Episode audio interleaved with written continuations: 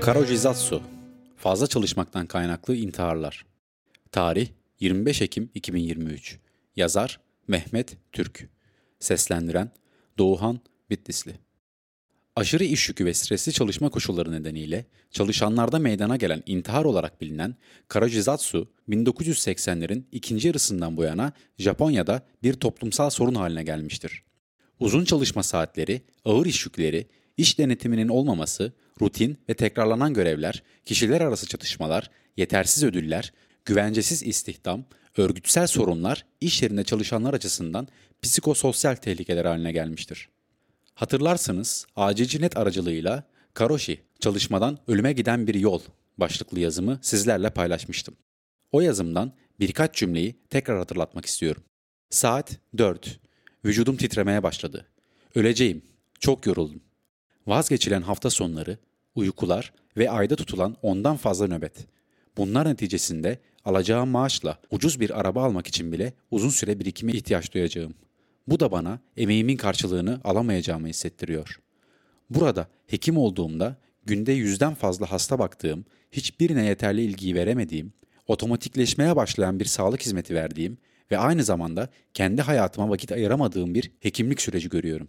Siz en fazla ne kadar çalışabilirsiniz?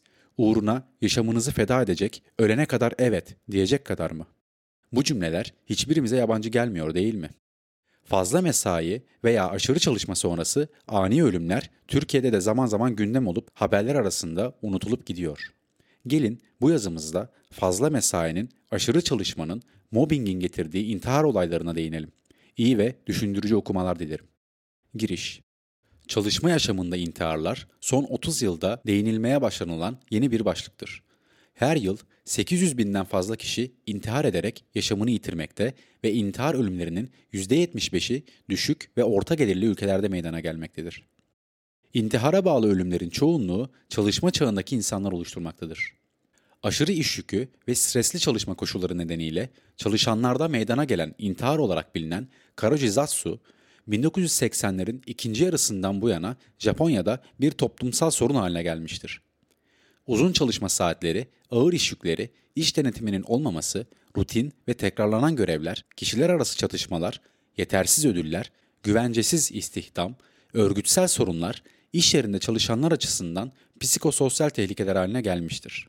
Karochi Satsu'ya neden olan bazı nedenler ise genel olarak ekonomik çöküşle birlikte meydana gelen uzun vadeli ekonomik durgunlukla beraber çalışan sayısının azalmasının getirdiği tam veya kısmi süreli gece çalışmasının yaygınlaşması, tatil günlerinde de mesai yapılması, çalışanlarda hayal kırıklığı nedeniyle meydana gelen stres, psikolojik değişiklikler, personelin zorla istifaya zorlanması, mobbing, maddi problemler. Şöyle bir geçmişi incelediğimizde 1999 yılında meydana gelen Karoshizatsu vakası olayın ne kadar da önemli olduğunu ve bizim de birebir aynısını yaşadığımızı gözler önüne seriyor. 99 yılında Tokyo eteklerinde Kumagaya kentinde 23 yaşındaki Yuji Uendan aşırı iş yükü nedeniyle depresyona girerek intihar etmiş ve küçük beyaz tahtasına ise Karoshizatsu yazısını bırakmıştır.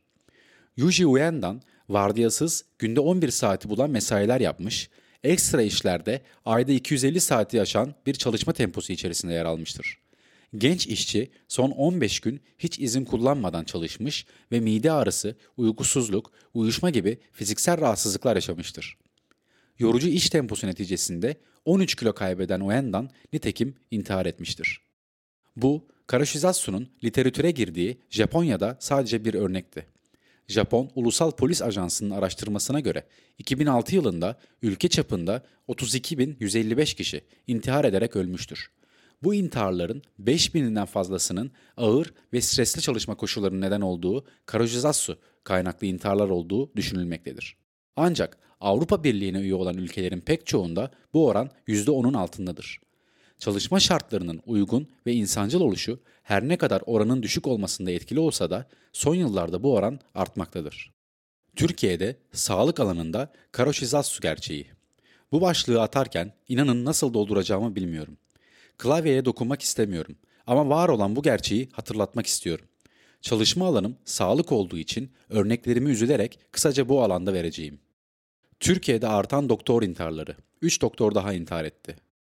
Türk Tabipler Birliği'nin acı haberleri paylaştığı gün içerisinde 3 doktorun yaşamına son verdiği öğrenildi. Sağlık camiası bu trajik kayıplar karşısında şoke olurken hekimlik mesleğinin karşı karşıya olduğu zorluklar bir kez daha gündeme geldi. Türkiye'de hekimlerin ölüm ve intiharları artıyor. 40 Sağlık Meslek Örgütü yayınladıkları ortak bildiride tüm dünyada intihar oranları düşerken Türkiye'de hekimlerin ölüm ve intiharları artıyor diyerek sağlık çalışanlarının yaşadığı zorluklara dikkat çekti. Türkiye'de son 10 yılda medyada bildirilen hekim intiharları adlı bir çalışmada 39 hekimin intihar ettiği belirtiliyor. Son yıllarda hekim sendikalarının da sıkça ele aldığı ve gündeme getirdiği zorluklara biz de burada değinelim. Çeşitli merkezi sınavlar sonrası başlanılan zorlu tıp eğitimi, mecburi hizmet, mesleğin getirdiği ciddi sorumluluklar, yine dünyanın en zorlu sınavlarından biri olan tıpta uzmanlık sınavının hazırlığı, hem eğitim ve çalışma süreci içine alan uzmanlık eğitimi süreci düşünüldüğünde hekim intiharları üzerine araştırma yapılması gereken bir konudur. Hekim intiharlarının nedenleri zor eğitim dönemi, yüksek risk altında sürekli çalışma ve yüksek stresli iş yükü, fiziksel yorgunluk ve tükenmişlik sendromu, yönetici mobbingi, maddi problemler olarak kabul edilebilir. Hekimlerin intiharlarını önleyici tedbirlere ciddi bir ihtiyaç vardır. Kıssadan hisse olarak işten başka hiçbir şeye zaman ayırmanın mümkün olmadığı uzun mesai saatleri sağlığı etkilediği gibi en sonunda ölümleri de getirebiliyor. Bütün bu cümlelerimden sonra size tekrar şu soruyu sormak istiyorum. Siz en fazla ne kadar çalışabilirsiniz? Uğruna yaşamınızı feda edecek, ölene kadar evet diyecek kadar mı? Dinlediğiniz için teşekkürler.